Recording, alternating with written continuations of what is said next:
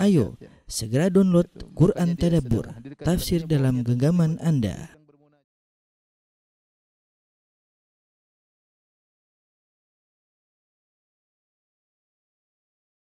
Bismillahirrahmanirrahim. Assalamualaikum warahmatullahi wabarakatuh.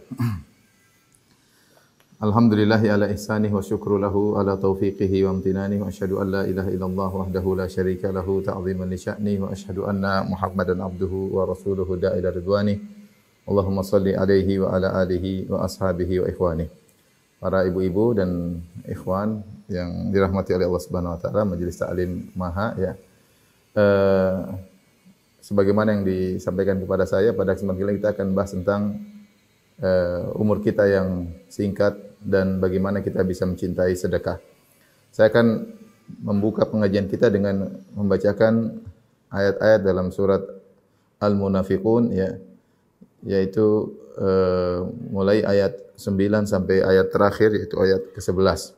Allah Subhanahu wa taala berfirman, Ya ayyuhalladzina amanu la tulhikum amwalukum wala auladukum an dzikrillah. Wahai orang-orang yang beriman, janganlah harta kalian dan anak-anak kalian melalaikan kalian dari mengingat Allah Subhanahu wa taala. Wa may yaf'al dzalika fa ulaika humul khasirun. Barang siapa yang melakukan demikian, artinya dia terlalaikan dari mengingat Allah gara-gara hartanya, gara-gara anaknya, sungguh dia adalah orang-orang yang merugi. Wa anfiqu mimma razaqnakum. Berinfaklah dari sebagian yang kami beri rezeki kepada kalian. Min qabli ayyatiya ahadakumul maut. Sebelum datang kepada salah seorang dari kalian kematian.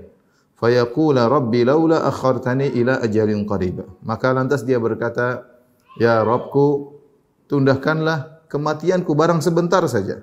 Buat apa? Fa asaddaqa wa akum minas salihin. Aku ingin bersedekah dan aku akan menjadi termasuk orang-orang yang soleh. Kata Allah, "Wala yu'akhirallahu nafsan idza jaa ajaluha." Allah tidak akan menunda kematian suatu jiwa jika telah tiba ajalnya. Wallahu khabirum bima ta'malun. Sungguhnya Allah Maha mengetahui tentang apa yang kalian kerjakan. Ayat ini sangat jelas bagaimana Allah mengkaitkan antara singkatnya umur dengan pentingnya bersedekah ya. Ya kita tahu bahwasanya uh, di antara angan-angan yang kalau bisa diutarakan oleh seorang yang dalam kondisi ihtidhar yaitu menghadapi sakaratul maut dia ingin segera ingin sekali bisa ditunda kematiannya barang sebentar barang setengah jam. Buat apa? Untuk dia bisa mensedekahkan harta yang masih dia miliki tetapi waktunya sudah lewat sudah tidak bisa ya sehingga Allah mengatakan wala yuakhirallahu nafsan idza jaa ajaluha kalau sudah tiba uh, waktunya ya ajalnya Allah tidak akan bisa menunda meskipun hanya sedetik dan Allah Maha mengetahui apa yang kalian lakukan. Timbul pertanyaan, kenapa orang yang jika di sakaratul maut ya dia berkeinginan untuk bisa bersedekah? Apa rahasia sedekah ya? Kita tahu banyak amal soleh, amal soleh banyak dan semua yang solat, ya, kemudian puasa, berbakti sama orang tua, ini juga amalan-amalan hebat bukan cuma sedekah. Tapi Allah ingatkan dalam uh, ayat ini tentang orang-orang ingin bersedekah. Bisa jadi orang ini yang akan meninggal dunia ini punya harta yang banyak ya. Yang seandainya dia diberi umur, dia akan bisa beramal soleh yang banyak dengan sedekah dan bisa jadi dia juga tahu tentang agungnya sedekah. Ya, maka ini ayat peringatan bagi kita ya. Agar kita jangan terpedaya dengan eh, kesehatan yang kita miliki, dengan kekayaan yang kita miliki karena jika tiba ajal, kesehatan kekayaan tersebut tidak akan bisa menunda ajal kita sedetik pun. Tidak sebagaimana sebagian orang kafir, orang-orang musyrikin yang Allah sebutkan tentang sifat mereka.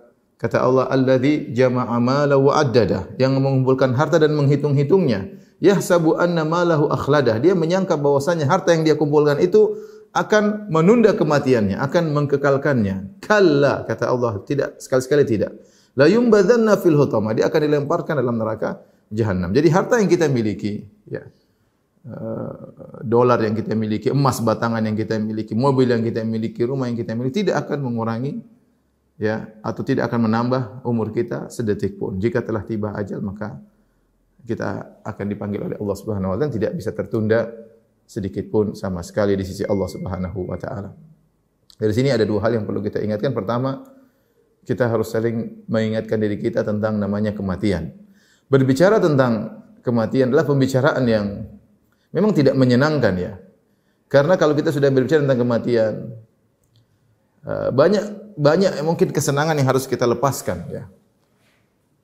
Makanya Nabi SAW sendiri mengatakan dalam suatu hadis, "Aksiru min dzikri hadhimil ladzat." Kata Nabi SAW, perbanyaklah untuk mengingat penghancur kelezatan. Rasulullah menyuruh kita untuk berbanyak mengingat penghancur kelezatan, yaitu al-maut, yaitu kematian. Ini isyarat bahwasanya kalau orang ingat kematian, hidupnya menjadi tidak begitu tenteram karena dia gelisah, dia akan dipanggil oleh Allah Subhanahu wa taala. Ya. Oleh karena pembicaraan tentang kematian memang mungkin kurang menyenangkan, tapi kita harus bicarakan. Karena kita semua wahai Bapak-bapak dan Ibu yang dirahmati Allah Subhanahu wa taala, kita semua sekarang sedang ngantri menuju titik yang sama dan kita dalam antrian tidak seorang pun dari kita keluar dari antrian tersebut itu menuju uh, titik kematian. Dan jika sudah tiba kematian tidak ada yang bisa lolos. Makanya Allah Subhanahu wa taala berfirman, "Aina ma takunu yudrikumul maut walau kuntum fi burujim musyayyadah." Dimanapun kalian berada, maka kalian akan didatangi oleh kematian. Meskipun kalian berada dalam benteng yang kokoh, siapapun dia, mau jenderal, mau presiden, mau panglima, meskipun di dikawal oleh mungkin ribuan pasukan jika telah datang kematian maka semua itu tidak bermanfaat ya. Jika telah datang ajal ya. Ya. Seorang ingin lari dari kematian maka kematian akan uh, mengajarnya dan di antara rahmat Allah Subhanahu wa taala Allah Subhanahu wa taala memberikan kita peringatan-peringatan kata Allah Subhanahu wa taala wa ja'akumun nadhir telah datang peringatan bagi kalian dan di antara peringatan tersebut adalah perubahan kondisi tubuh kita. Ini peringatan bahwasanya kita akan menuju pada titik kematian. Ya. Allah menciptakan dari min dhafin, dari kelemahan, dari kita masih kecil, kemudian lemah. Ya, thumma ja'ala min ba'di dhafin quwwah. Setelah itu Allah menjadikan kita menjadi kuat, jadi jadi remaja, menjadi apa namanya? seorang yang kuat, ya, pemuda, pemudi yang kokoh. Setelah itu Allah menjadikan setelah kekuatan dhafan wa syaibah, menjadi lemah dan menjadi tua. Ya. Mulailah tidak terasa umur kita sudah melewati 40 tahun, ya. di antara kita ada yang sudah melewati 50 tahun. Mulai tanda-tanda ketuaan nampak pada diri kita yang tadinya sebagian kita mungkin rupawan, tampan, cantik jelita. Mulailah berkurang itu semua, mulai keriput wajahnya ya. Meskipun dia sudah pergi ke salon, meskipun sudah tetap aja namanya tua mulai tampak ya. Makanya ketika Allah mengatakan wajah aku munadir telah datang peringatan bagi kalian di antaranya uban. Seorang kalau lihat uban tahu bahwasanya dia sudah tua ya. Dia sudah tua. Dan umur kita sampai kapan sih? Kata Nabi sallallahu alaihi wasallam, "Amaru ummati baina sittin ila sab'in wa aqalla man yajuzu dzalik." Umur umatku antara 60 sampai 70 dan hanya uh, sedikit yang melewati 70 70 tahun. Maka Ya, saya tahu di depan saya, masya Allah ada bapak ibu-ibu yang umurnya lebih tua dari saya ya. Saya masih masih muda, relatif muda dibandingkan pada bapak-bapak dan ibu-ibu yang hadir di depan saya ya. ya saya masih 40, ya mungkin sebentar lagi 41. Ya, tapi di, uh, di depan saya ada yang lebih dari 45, ada yang lebih dari 50 ya.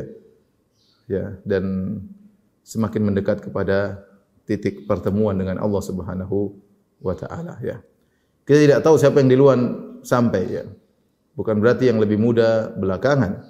Bukan berarti yang lebih sehat belakangan. Bukan berarti yang lebih kaya belakangan. Tidak mesti.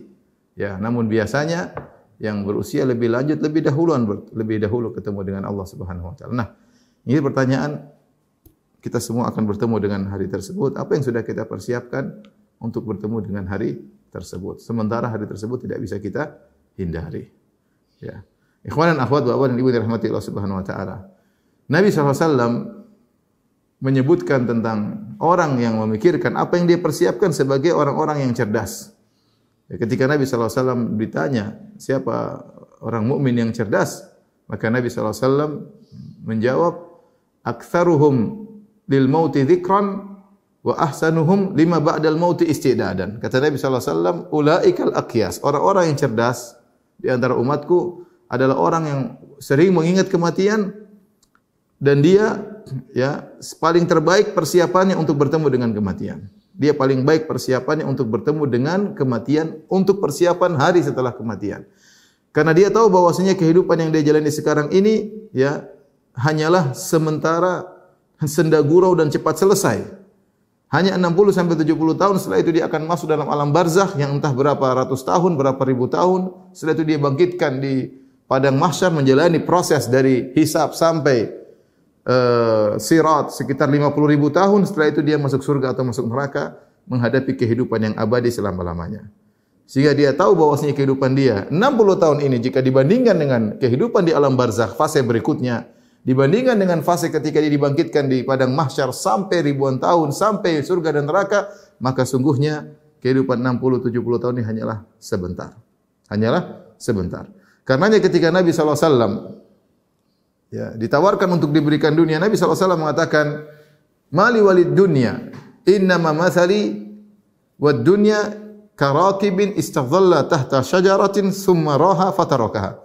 Apa urusanku dengan dunia kata Nabi sallallahu alaihi wasallam? Sungguhnya permisalanku dengan dunia seperti seorang yang sedang dalam perjalanan kemudian mampir di bawah sebuah pohon, sebentar dia istirahat kemudian dia tinggalkan pohon tersebut. Itulah hakikat dunia, seperti tempat istirahat yang sebentar. Karena kita semua adalah musafirun, kita sedang bersafar. Sedang menuju ke tempat kita yang sesungguhnya ya, di hari akhirat. Dunia ini hanyalah mampir sebentar. Ibarat seorang hanya bernaung di sebuah sebuah pohon, kemudian dia melanjutkan perjalanannya. Tapi waktu yang sedikit ini, 60-70 tahun ini, inilah yang menentukan bagaimana hari kemudian kita. Baik di alam barzakh, maupun di padang mahsyar, apalagi di surga atau di neraka. Maka jangan seorang terpedaya. Yang jadi masalah, banyak di antara kita terpedaya. Ya. Wa humul hayatud dunya. Kata Allah, mereka terpedaya dengan kehidupan dunia. Mereka menjadikan dunia sebagai tujuan. Mereka ya, menghabiskan waktu mereka yang tidak bermanfaat pada perkara-perkara dunia. Allah Subhanahu wa taala mengingatkan akan ini dalam banyak ayat tentang bahwasanya dunia ini bisa menipu. Jangan sampai kita terpedaya. Di antaranya Allah Subhanahu wa taala berfirman, "I'lamu annamal hayatud dunya." Ya la'ibun wa lahwun wa zinatun wa tafakhurun bainakum wa takathurun fil amwali wal aulad kama thali ghaithin a'jaba al kuffara nabatuhu thumma yahiju fatarahu musfarra thumma yakunu hutama wa fil akhirati adabun shadidun wa maghfiratun min Allah wa ridwan wa mal hayatud dunya illa mata'ul ghurur kata Allah Subhanahu wa taala ketahuilah bahwasanya kehidupan dunia itu hanyalah persenda gurau dan permainan. Sebentar. Kita main-main sebentar. Ya ikhwan ya akhwat, bapak ibu dirahmati Allah Subhanahu wa taala, benar-benar kita tidak terasa tiba-tiba saya dulu merasa masih muda, tahu-tahu sekarang sudah 40. Tahu-tahu sudah punya anak uh, lima, tahu-tahu anak sudah SMA, ya. Tidak terasa waktu berjalan begitu cepat, ya. Mungkin bapak dan ibu juga merasa tiba-tiba sekarang sudah berumur, sudah berusia, ya, mulai pandangan mulai berkurang, tidak begitu tajam, pendengaran mulai tidak tajam lagi, ya. Mulai kadang tubuh kita tidak sehat yang dulu, mulai kita pegal sana pegal sini dan ya, tanda-tanda bahwasanya kita sudah mulai mulai berusia ya. Allah mengatakan innamal hayatud dunya la'ibu wa lahu. Hanya permainan senda gurau, permainan yang akan segera selesai, senda gurau yang akan selesai dan kita akan masuk dalam keseriusan dalam alam barzakh. Kama kemudian innamal hayatud la'ibu wa lahu wa zinah wa tafakhurun bainakum wa takathurun fil amwali wal aulad. Hanyalah perhiasan.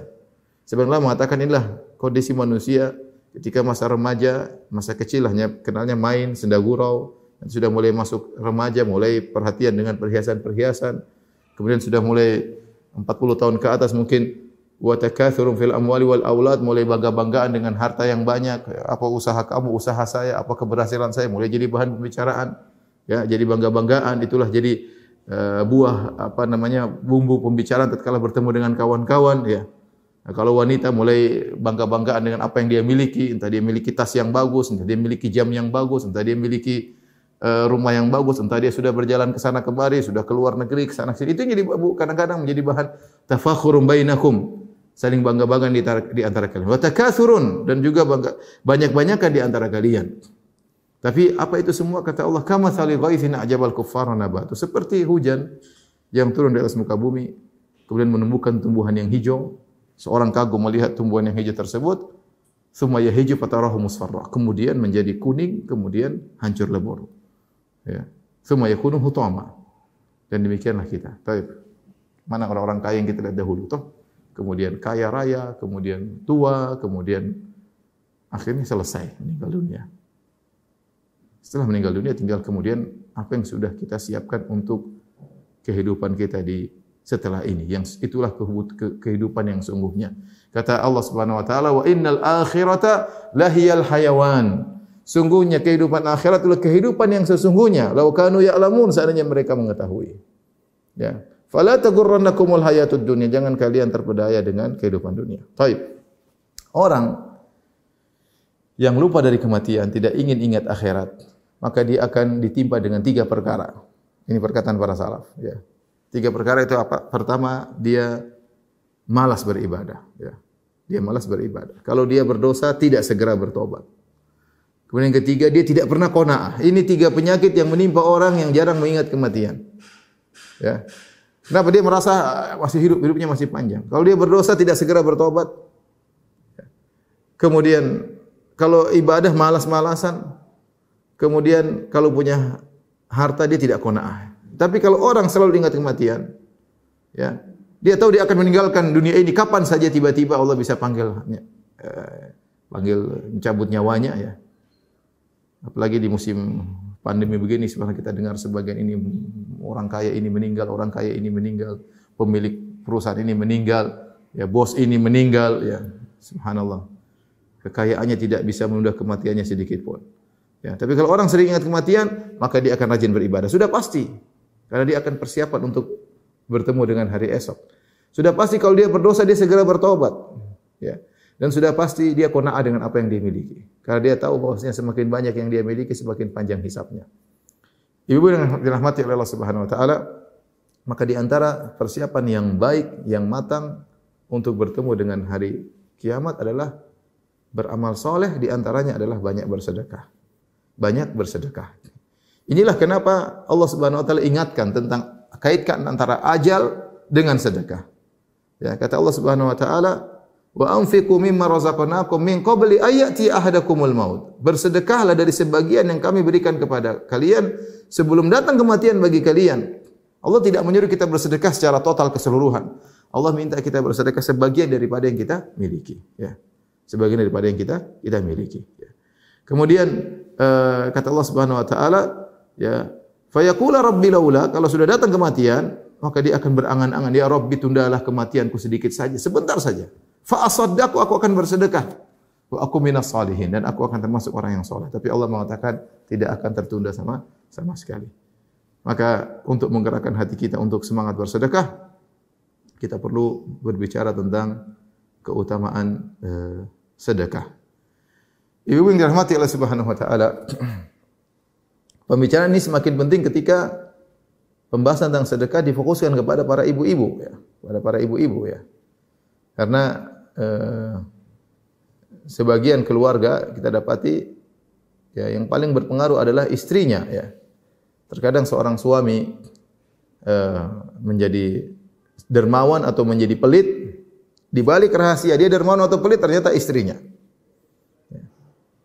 Bisa jadi seorang lelaki sangat dermawan. Kenapa? Karena istrinya yang memotivasi selalu. Bersedekah mas, bersedekah bang. Papi sedekah papi. Tapi bisa jadi seorang suami menjadi pelit. Bahkan pelit kepada ibunya sendiri. Pelit kepada kakak dan adiknya. Kenapa? Rahasianya siapa? Istrinya yang kurang ajar.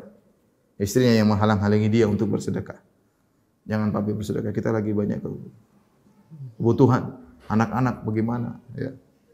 Bagaimana rumah? Bagaimana mobil? Bagaimana? Bagaimana? Sampai akhirnya sang suami pelit kepada ibunya sendiri, pelit kepada bapaknya sendiri, pelit kepada kakak dan adiknya. Ya. Karenanya ibu-ibu ini sangat penting dalam menjadikan suatu keluarga yang tumbuh dalam kecintaan terhadap bersedekah di jalan Allah Subhanahu wa taala. Apa sih keutamaan sedekah? Keutamaan sedekah ya. Mungkin kalau kita bicarakan bisa kita bagi ya, dalam beberapa ya, keutamaan sedekah berkaitan dengan keutamaan di dunia maupun berkaitan dengan keutamaan di akhirat. Mungkin saya bagi ya. Keutamaan sedekah sangat banyak ya.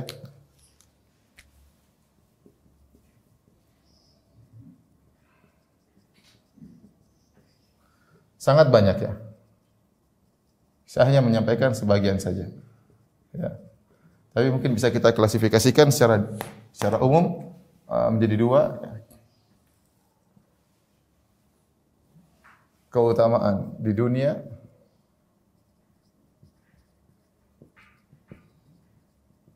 kemudian keutamaan di akhirat.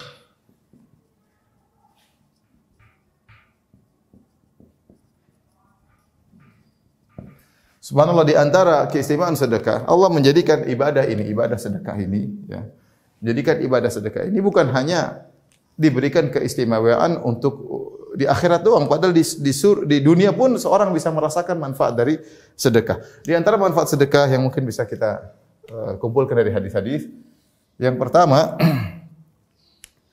adalah menjadikan dada lapang. Menjadikan dada lapang itu bahagia. Ya, menjadikan dada lapang. Dan ini datang dalam uh, banyak hadis yang menunjukkan akan hal ini. Di antaranya Nabi SAW menjelaskan tentang uh, perumpamaan antara al-mutasaddiq dengan al-bakhil. Kata Rasulullah SAW perumpamaan orang yang suka dermawan dengan orang yang bakhil. Seperti seorang memakai jubah yang terbuat dari besi. Ya.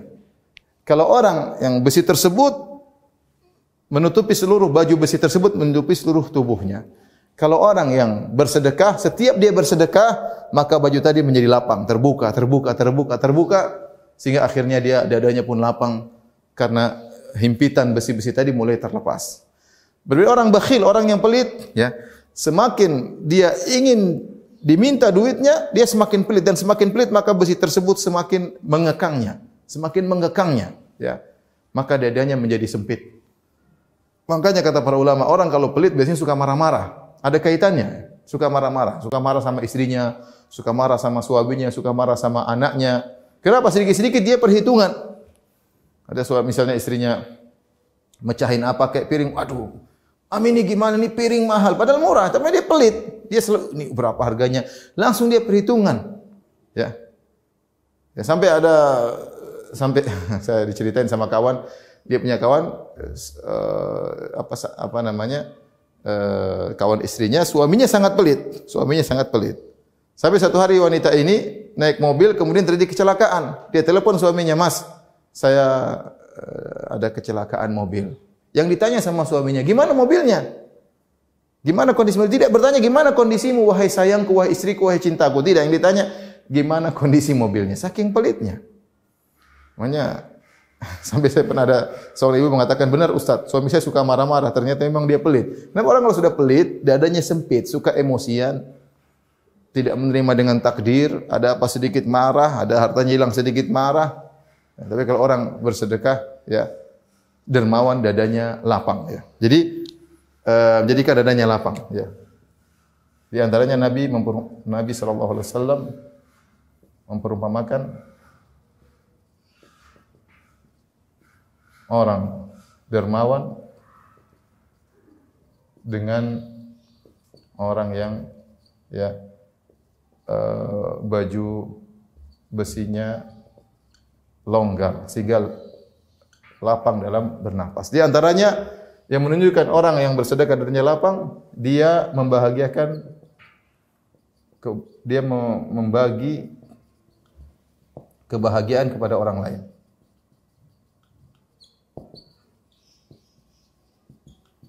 Dan kita punya kaidah yang masyhur dalam Islam yaitu al jaza min jinsil amal. Yaitu balasan sesuai dengan perbuatan.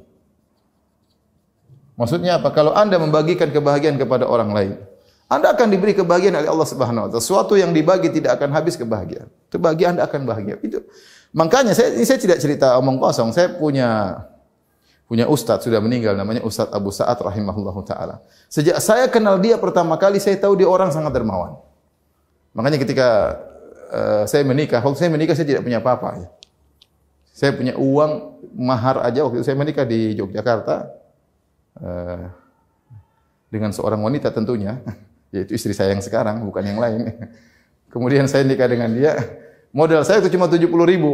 Saya malu mau kasih mahar berapa. Saya tidak punya uang kecuali 70 ribu rupiah. Akhirnya saya pinjam sama ustaz saya yang lain pinjam 70 ribu, jadi mahar saya 140 ribu. Sudah tidak punya duit, kemudian saya kasih mahar supaya kelihatan besar, saya tidak belikan emas. Karena kalau emas entah jadi satu gram sampai atau tidak, Allah alam. Akhirnya saya beli buku, beli buku agak tebal, ditutupin kelihatannya keren. Maharnya buku yang di depan mata ya. Ustaz saya ini Abu Sa'ad rahimahullah ta'ala. Ya. Akhirnya dia uh, mengosongkan rumahnya. Dia bilang, ya Firanda, udah kamu bulan madu di rumah saya aja. Saya bingung bulan madu di mana, rumah enggak ada, kontrakan enggak ada. Ini saya bulan madu di rumah dia, berhari-hari, hampir tiga hari. ya Tiga hari saya bulan madu di rumah, rumah dia, ya karena setelah itu saya harus berangkat. ya Dan dia meninggalkan rumahnya, entah dia tidur di mana, tidur istrinya tidur di pondok. Subhanallah, saya tidak bayangkan itu ustadz kosongkan rumahnya untuk muridnya yang bukan siapa-siapa, bulan madu di rumahnya. Saya kira ini ustaz luar biasa. Setelah itu kita lihat ternyata ustaz ini rahimahullah taala di mana ada bencana dia selalu ada di situ. Dalam negeri maupun luar negeri. Kalau tanya dia sudah ke Yaman iya, dia sudah ke Suriah iya, juga ke Palestina iya, sudah ke Afghanistan iya.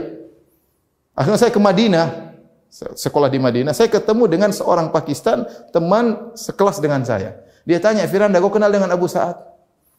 Saya bilang, ya saya kenal. Kenapa? Itu orang bangunkan rumah teman saya tidak digaji sama sekali. Maksudnya dia jadi tukang bangunin rumah teman di Pakistan sana dan dia tidak ngambil upah sepeser pun. Jadi orang kalau sudah dermawan hatinya lapang, Allah beri ke dia kebahagiaan. Dia kecanduan untuk membantu orang lain. Bencana dimanapun di Indonesia ini, mau di mau di manapun, mau di Aceh, mau di dia selalu hadir, mengumpulkan dana kemudian dia beri bantuan. Kenapa? ada kebahagiaan. Kadang kita lihat heran orang bagaimana sih? Apa enggak capek riwa-riwi ke sana kemari? Tapi kita tidak tahu kebahagiaan yang dia rasakan. Allah berikan dia kendiri dengan syarat dia melakukannya dengan tulus ya. Kalau orang ria dia sengsara. Saya bicara tentang orang yang bersedekah, yang berbuat baik kepada orang lain dengan keikhlasan, maka Allah akan berikan dia kebahagiaan. Bahkan kecanduan untuk berbuat kebahagiaan, untuk membagikan kebahagiaan kepada orang lain. Dalam hadis juga Nabi SAW ya, uh, ditanya oleh orang tentang obat obat hati keras.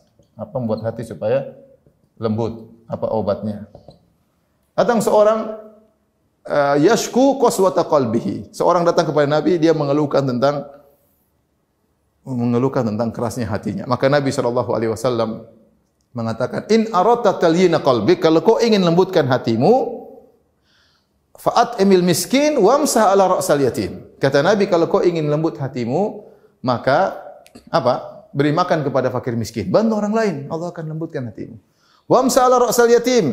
Wamsah ala ra'sal yatim dengan usap tanganmu di kepala anak yatim. Dan ini kalau ini hadis ini benar-benar diterapkan kalau di Arab Saudi ada anak yatim orang rebutan untuk apa? Usap kepalanya. Kenapa kita usap kepala anak yatim kasihan dia enggak punya bapak ya. Tidak ada yang ngurus dia. Apalagi kalau dia sekolah lihat anak-anak lain dijemput oleh ibunya, dijemput oleh bapaknya, dia mungkin enggak ada yang jemput. Ada yang tempat dia berbicara, tempat manjat-manjat. Mungkin kalau dia orang anak-anak lain manjat di pundak bapaknya, dia enggak manjat sama siapa, enggak ada. Kita sambil ngusap kepala, sambil kita renungkan, itu akan melembutkan hati kita. Ya, tapi jangan usap-usap doang, kasih duit ya. Jangan usap-usap aja, kasih duit. Ini ya. Jadi, ini di antara obat yang menjadikan dada kita menjadi lapang adalah dengan bersedekah. Tapi tadi yang perlu perjuangan. Ya. Alhamdulillah uh, mungkin di depan saya Bapak Ibu-ibu rajin bersedekah. Semoga Allah semakin membuat semangat untuk bersedekah ya. Dan saya ingatkan Allah tidak menyuruh kita bersedekah dengan seluruh harta kita. Allah mengatakan wa anfiqu mimma razaqnakum. Berinfaklah sebagian dari yang kami berikan kepadamu. Tidak tidak apa namanya?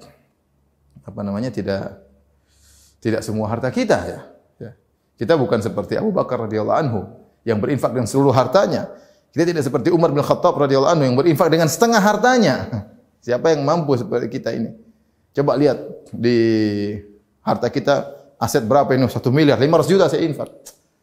Zaman sekarang mungkin sulit, mungkin ada tapi sulit. Ya, adapun para sahabat memang mereka luar uh, luar biasa. Ya, tapi uh, seorang berusaha untuk membiasakan dirinya untuk bersedekah, ya, karena itu akan berikan keuntungan duniawi bagi dirinya di antaranya dia akan bahagia dia akan bahagia. Dan sungguh luar biasa kalau suami istri sudah saling senang bersedekah luar biasa. Allah akan kasih jalan, jangan khawatir. Ya. Uh, sudah suami rajin bersedekah, istri rajin bersedekah, masya Allah hidup nyaman. Insya Allah Allah kasih apa? Kebahagiaan. Tapi kalau suami pelit, istri pelit, luar biasa. Ya. Anaknya super pelit. anaknya super pelit. Bahkan kalau suami istri pelit, anaknya sama seperti mereka. Saya pernah ketemu dengan anak saya. Ya saya juga enggak dermawan seperti orang. Tapi maksud saya, uh, dia cerita, dia ngeluh sama saya. Dia bilang, Abi, si Fulan pelit banget. Dia cerita tentang temannya. Saya dalam hati ya. Saya kenal bapaknya juga pelit. Makanya wajar kalau dia pelit seperti bapaknya. Pengaruh. Kita kalau pelit anak kita super pelit. Tapi kalau kita ngajari anak kita kita dermawan, anak kita akan lihat bapak saya dermawan, ibu kita ibu saya dermawan, ibu saya der dermawan.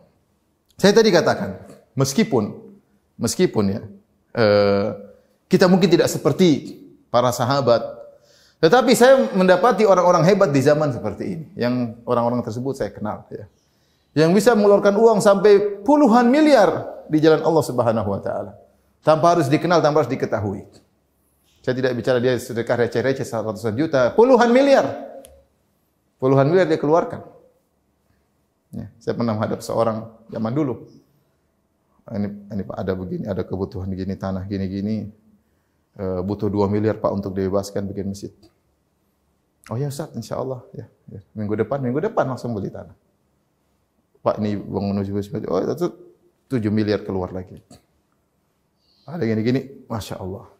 Ada satu lagi bangun masjid sampai puluhan miliar. Jadi ada orang-orang yang memang dia ada kebahagiaan tatkala dia uh, bersedekah. Tapi saya ingatkan tadi bukan berarti kita bersedekah tanpa perhitungan, semampu kita. Ya. Jangan kita punya penghasilan 50 juta, sedekahnya 55 juta. Ya, ya, maksud saya yang logis, kita punya sisa untuk anak kita, istri kita, oke, okay, Mungkin untuk bangun rumah, tapi ada sisa jangan ragu-ragu, sedekahkan. Jangan ragu-ragu ya, sedekahkan. Baik. Jadi yang pertama menjadikan dada lapang. Yang kedua di antara keutamaan sedekah di dunia uh, adalah bisa menyembuhkan penyakit.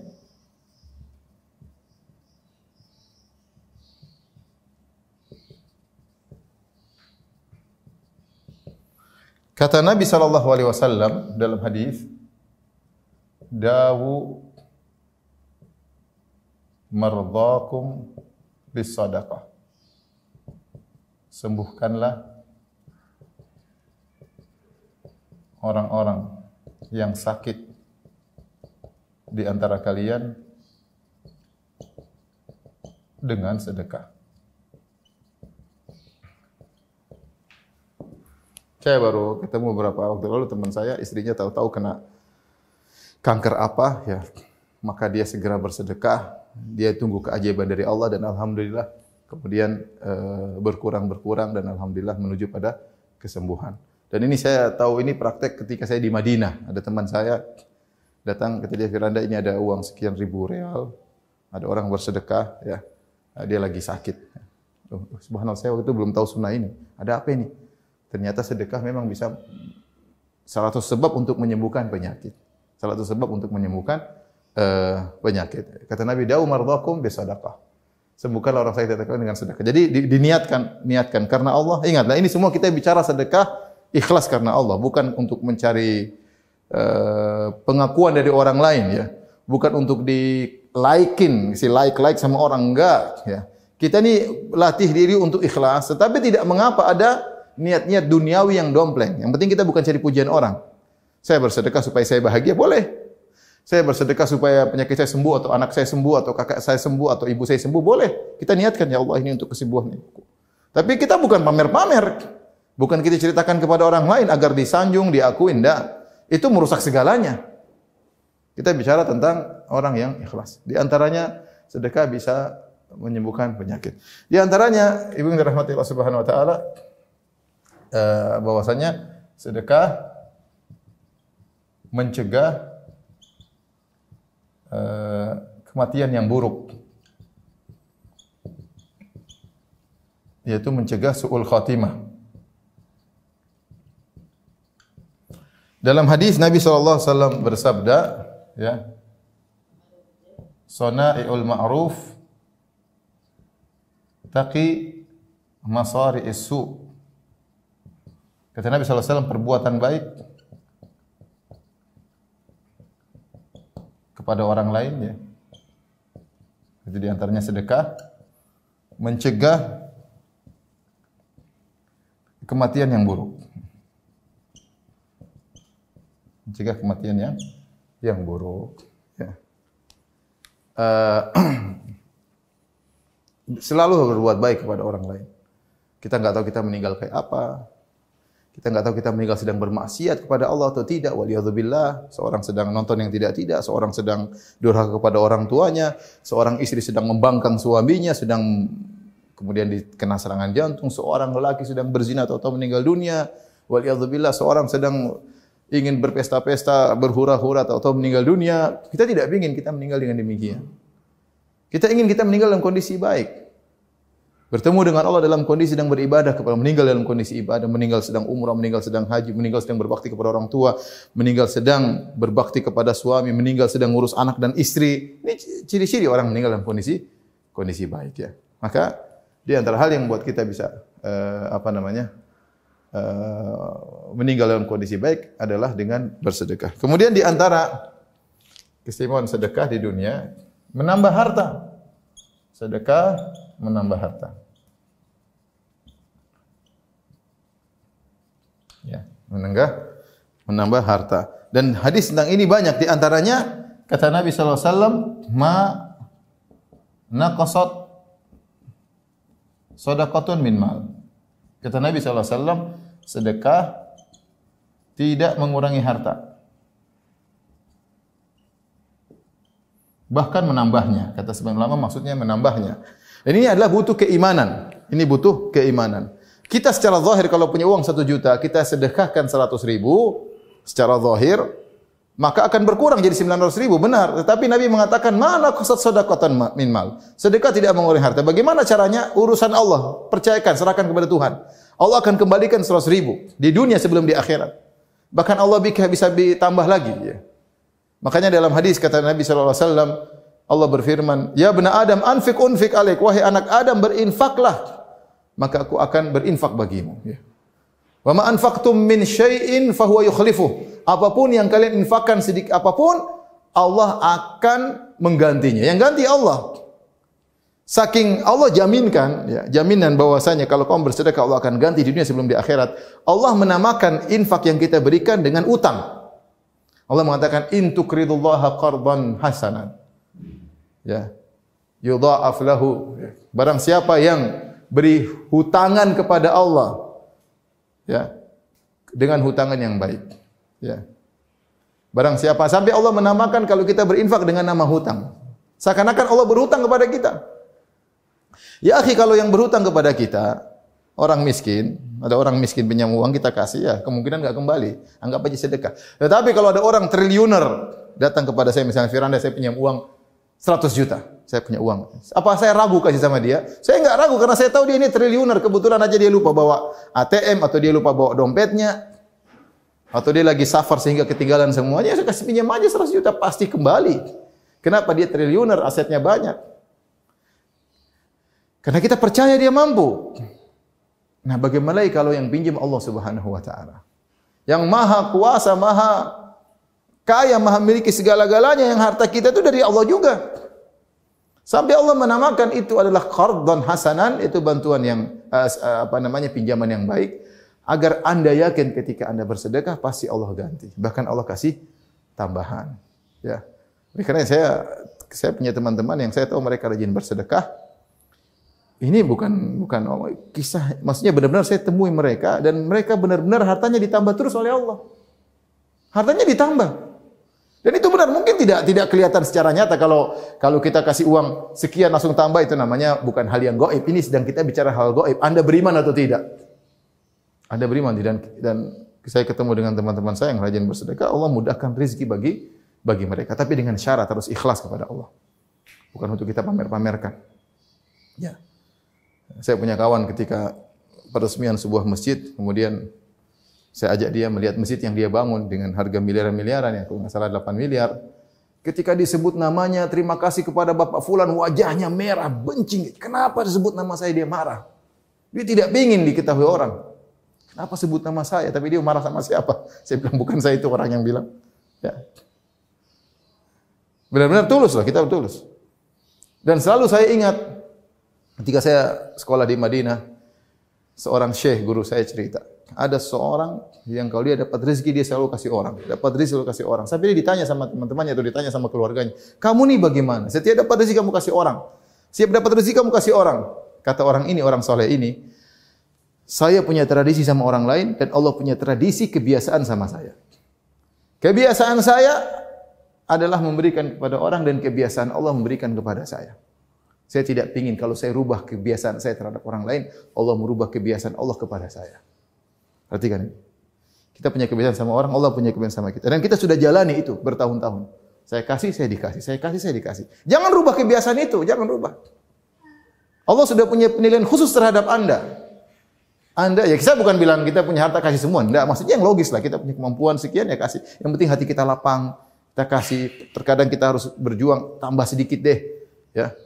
Dan Allah punya kebiasaan kepada kita dan kita yakin. Dan itu yang berjalan, itu yang terjadi. Dan itu kenyataan yang kita lihat. Makanya Syekh Sa'ad Satri waktu saya ketemu dia mengatakan apa? Dia bilang Syekh Sa'ad Satri hafizahullah taala seorang ulama di Saudi yang mengatakan saya tidak pernah menemukan seorang yang rajin bersedekah kemudian Allah hinakan dia. Enggak. Saya tidak pernah bertemu dengan seorang yang rajin bersedekah Allah hinakan dia. Contoh nyata ini saya bicara. Saya punya teman dua orang itu yang kalau nyumbang miliar-miliar, subhanallah. Di saat-saat pandemi begini, bisnis mereka tidak tidak jatuh. Tidak ah, dia punya pegawai mungkin seribu tidak ada yang dipecat sama dia. Artinya benar-benar. Satunya lagi, Alhamdulillah Ustaz saya dapat proyek satu triliun. Alhamdulillah. Di musim-musim pandemi seperti ini dia dapat proyek. Saya bilang itu Allah jaga. Saya tidak ngomong sama mereka. Tapi dalam hati saya. Saya bilang itu Allah jaga mereka. Kenapa selama ini mereka senantiasa bersedekah? Di saat-saat sulit, Allah beri kemudahan. Allah tambah harta mereka. Di saat-saat pandemi. Dan subhanallah demikian yang terjadi. Ya sebagian tetap diuji. Artinya bukan berarti kalau uh, diuji harta berkurang berarti tidak rajin beribadah. Tidak. Tapi saya bilang ada orang yang Allah uji, ada orang yang Allah seperti itu dan itu kenyataan yang saya lihat di mata kepala saya sendiri. Baik. Ini di antara keutamaan-keutamaan uh, uh, di dunia ya. Uh, dan tentu masih banyak lain tapi ini sekedar sebagian yang mungkin bisa saya sampaikan pada kesempatan kali ini. Kita Eh, beralih kepada keutamaan yang berkaitan dengan di akhirat. Banyak juga keutamaan sedekah di akhirat. Ya. Di antaranya uh, sedekah meredamkan meredamkan kemurkaan Allah. Kata Nabi sallallahu alaihi wasallam, "Inna sadaqatus sir tudfi'u ghadab ar-rabb." Sesungguhnya sedekah yang diam-diam yang diam-diam meredamkan kemurkaan Allah.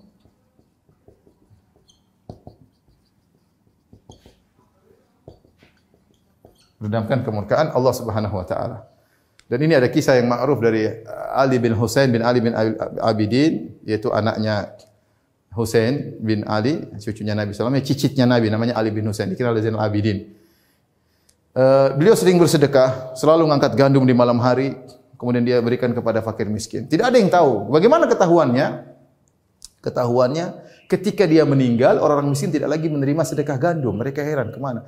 Ketika meninggalnya dia, terus ditemukan ada bekas hitam di belakang, rupanya dia mikul sendiri. Bahkan dia tidak suruh pembantunya untuk ikut mikul sama dia, saking dia ingin menyembunyikan. Dia tidak suruh budaknya, dia tidak suruh pekerjanya. Dia mikul sendiri.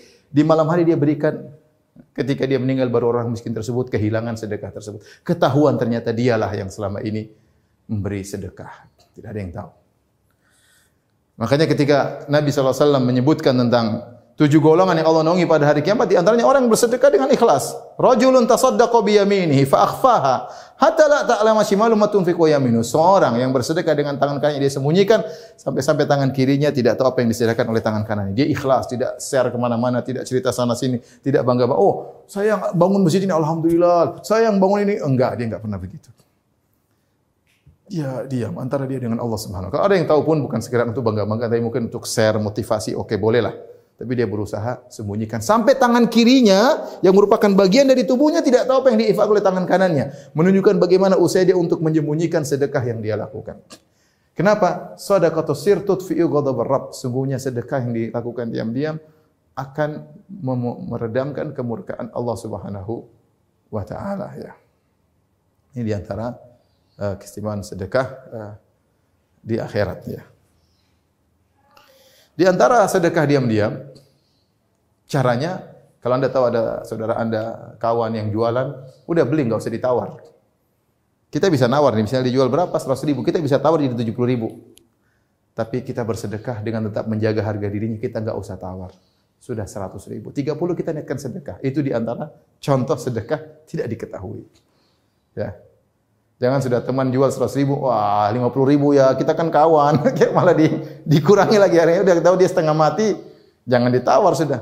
Kecuali kita sama-sama miskin, oke lah kita nawar. Kalau kita punya duit, dia lagi miskin, udah bayar aja, nggak usah nawar. Itu di antara sedekah. Nggak usah bilang, saya bisa tawar loh, tapi saya udah yang tahu cuma Allah. Sudah nggak usah bilang-bilang, nggak usah tawar kasih aja. 30 ribu, kita kalau tawar kita bisa 70 ribu, 30 ribunya kita niatkan sedekah karena Allah Subhanahu Wa Taala. Tapi di antara uh, keistimewaan sedekah berkaitan dengan hari akhirat adalah uh, uh, sedekah menjadi uh, naungan pada hari kiamat.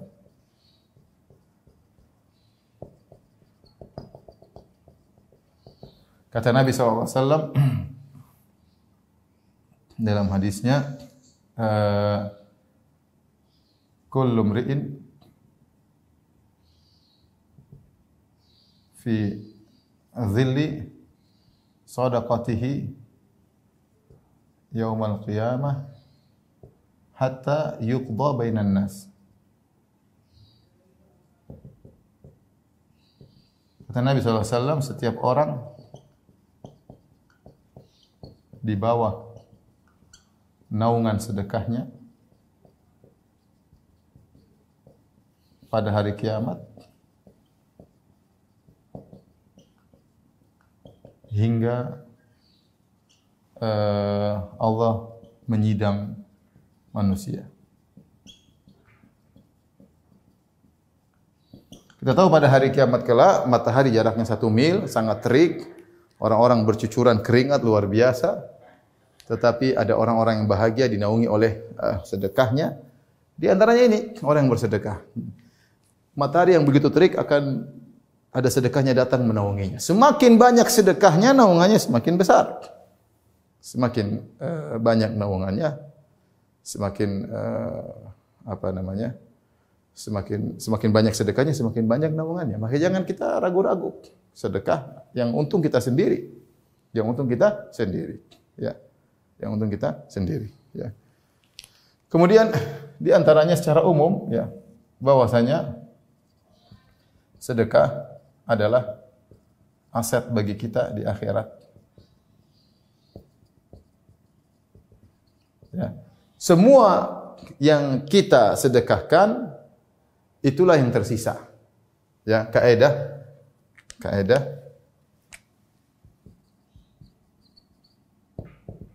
semua yang kita sedekahkan itulah yang tersisa. Ini kaidah diambil dari hadis Nabi sallallahu alaihi wasallam. Ketika Nabi sallallahu alaihi wasallam uh, ketika Nabi sallallahu alaihi wasallam memotong-motong kambing, kemudian Rasulullah SAW menyuruh Aisyah untuk bagi-bagi kepada orang-orang tetangga-tetangga kepada orang miskin, maka Aisyah bagi-bagi kambing tersebut.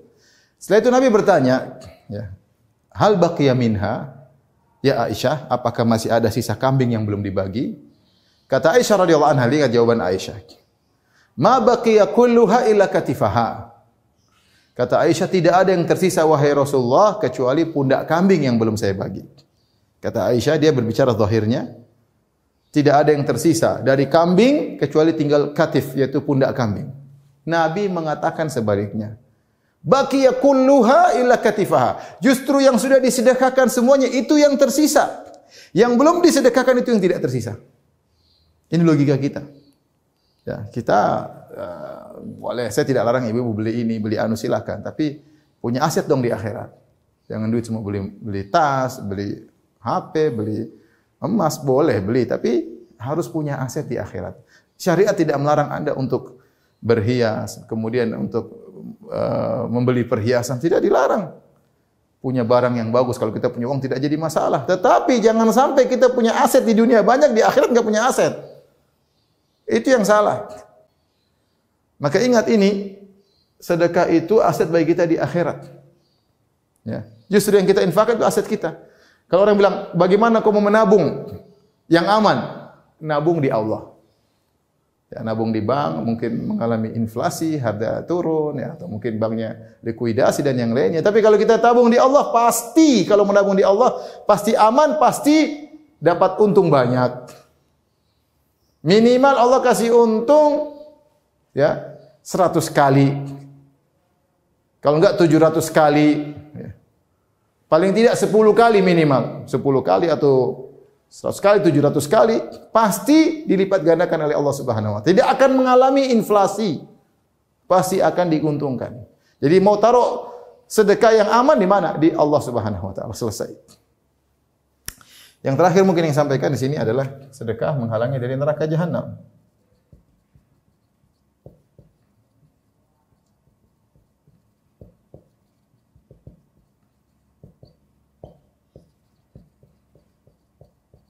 Ada dua hadis yang berkaitan dengan ini. Pertama hadis yang pertama, ya.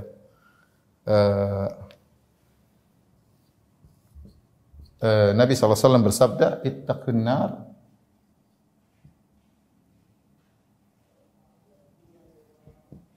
walau bisyikki tamrah. Kata Nabi SAW, cegahlah neraka meski dengan sepenggal korma. Jadi Nabi menyuruh kita untuk banyak bersedekah. Di antara yang paling mudah menghalang kita dari neraka adalah sedekah. Ya dalam ini hadisnya awalnya kata Nabi wasallam, "Ma minkum min ahadin illa sayukallimuhu rabbuhu, laisa bainahu bainahu tarjuman, fayanzuru ila aymana minhu." Ya. Fala yara ila amal wa yanzuru ila asma minhu wa la yara ila amalahu. Fayanzuru ma baina yai fala yanara ila ila nar. Kata Nabi wasallam tidak seorang pun dari kalian kecuali akan berbicara dengan Allah secara langsung tanpa ada penerjemah. Kita semua ini akan bicara dengan Allah, Allah akan hisab kita. Dia lihat sebelah kanan tidak lain kecuali amal dia. Lihat sebelah kiri tidak lain adalah amal dia. Lihat depan ada neraka jahanam. Kata Allah, kata Nabi, "Wattaqin fattaqun nar walau bi syakki tamrah." Jagalah dirimu dari neraka meskipun hanya bersedekah sepenggal korma. Artinya Nabi ajarkan kau tidak punya apa-apa, punya harta cuma dua butir korma, sudah sedekah sepenggalnya.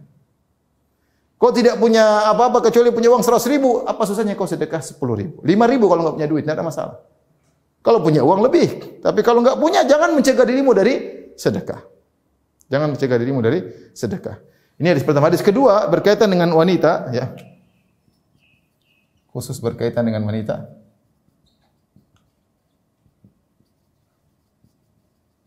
Ketika Nabi sallallahu alaihi wasallam sedang berkhutbah Id, setelah khutbah Nabi maju kepada barisan para wanita. Kemudian Nabi berkata, "Ya ma'syaran nisa tasaddaqna." Wahai para wanita bersedekahlah. Fa inna kunna aktsaru hatta bi jahannam. Kalian banyak masuk neraka. Seorang wanita tanya, "Ya Rasulullah, lima. Kok bisa ya Rasulullah kita banyak masuk neraka?" Kata Rasulullah SAW, "Fa inna kunna fa kunna takfurna al-ashir wa tukthirna syakat." Karena kalian para wanita suka ingkar kebaikan suami, tidak tidak bersyukur kepada suami, kufur kepada suami. Ya. Dan kalian suka mengeluh Kalian suka mengeluh. Nabi mengatakan wanita banyak masuk neraka di antaranya apa? Suka tidak bersyukur kepada suami. Suami sudah baik, tidak dihargai, suami sudah berusaha uh, direndahkan, nuntut terus, ya, tidak bersyukur, tidak tahu banyak perempuan-perempuan yang janda setengah mati, tidak punya penghasilan, tidak ada yang perhatian, minta ini, minta berketemu dengan teman-teman, minta beli ini, minta beli anu. Suami minta pelayanan tidak dilayani banyak. Wanita seperti ini kata Nabi menyebabkan mereka banyak masuk neraka di antaranya tidak berterima kasih kepada suami. Nah, apa solusinya? Bersedekah. Maka Nabi mengatakan tasaddaqna bersedekahlah kalian. Maka ketika itu para sahabiat langsung melemparkan emas mereka, cincin mereka, kalung mereka, anting mereka. Ini dalil bahwasanya sedekah adalah jalan termudah untuk menghalangi seorang dari neraka uh, jahannam. Ya. Terakhir, eh, setelah kita sampaikan ini semua, eh, hadirin hadirin Allah Subhanahu Wa Taala, maka saya ingatkan bahwasanya kalau kita bersedekah, ya, sesungguhnya yang lebih untung kita bukan orang yang kita sedekahi. Yang lebih untung kita bukan orang sedekah. Kalau kita sedekah sama orang, orang tersebut, apa yang dia untung? Ya paling mungkin dia lapar, jadi kenyang. Mungkin kita sedekah belikan obat, jadi sakit menjadi sembuh. Mungkin dia punya utang, kita lunaskan, dia lega. Keuntungan dia cuma itu. Adapun kita keuntungannya banyak. Bayangkan kita dilegakan oleh Allah, kita hartanya ditambah oleh Allah Subhanahu wa taala, diampuni dosa-dosa kita. Ya. Diberi lipat ganda balasan pada hari kiamat kelak, datang naungan pada hari kiamat kelak di padang mahsyar dan banyak sedekahnya. Makanya benar kata Allah Subhanahu wa taala, "Wa may yabkhal fa innama yabkhalu an nafsih." Barang siapa yang pelit, sungguhnya dia pelit pada dirinya sendiri, ya. Kenapa? Banyak keutamaan dia tidak mau ambil. Kalau Anda bersedekah, Anda bersedekah untuk diri Anda sendiri. In ahsantum ahsantum li anfusikum. Kalau kalian berbuat baik untuk diri kalian sendiri. Wa may yashkur fa inna ma yashkuru li nafsi. Barang siapa bersyukur kepada Allah, dia bersyukur kepada dirinya sendiri. Allah tidak butuh dengan sedekah kita. Allah tidak butuh dengan amal soleh kita. Itu untuk kita sendiri. Ya, untuk kita sendiri. Demikianlah para ibu-ibu dan bapak-bapak dalam majelis taklim Maha ya. Mata hati Masya Allah. Nama majelis taklimnya luar biasa ya. Melihat dengan mata hati bukan mata kepala ya, mata hati. Hati ini punya penglihatan luar biasa terkadang lebih tajam ya. Maka mudah-mudahan dengan pertemuan ini memotivasi kita untuk bisa semangat beribadah di antaranya semangat bersedekah. Mulai dari kecil-kecil kalau kita merasa diri kita pelit, mulailah kita latihan sedikit-sedikit. Tidak mungkin habis pengajian langsung bilang, "Mas, mana uangmu kemarin? ATM mana?" Langsung kosongin. Enggak, enggak. Pelan-pelan dari 100 ribu, 200 ribu, meningkat, meningkat, meningkat, meningkat. Itulah aset kita di akhirat kelak. Ustaz, saya istri tidak punya duit. Nah, kalau enggak punya duit, tugasnya merayu suami, pijit-pijit suami. Mas, itu anak miskin yang bantu ya. Kalau suami yang ngeluarin duit, istri juga dapat pahala. Demikian pertemuan kita. Semoga ibu-ibu semua menjadi ibu-ibu yang soleha, yang cinta dengan sedekah. Dan jangan lupa cinta sama suami. Wabillahi taufiq walidayah. Assalamualaikum warahmatullahi wabarakatuh.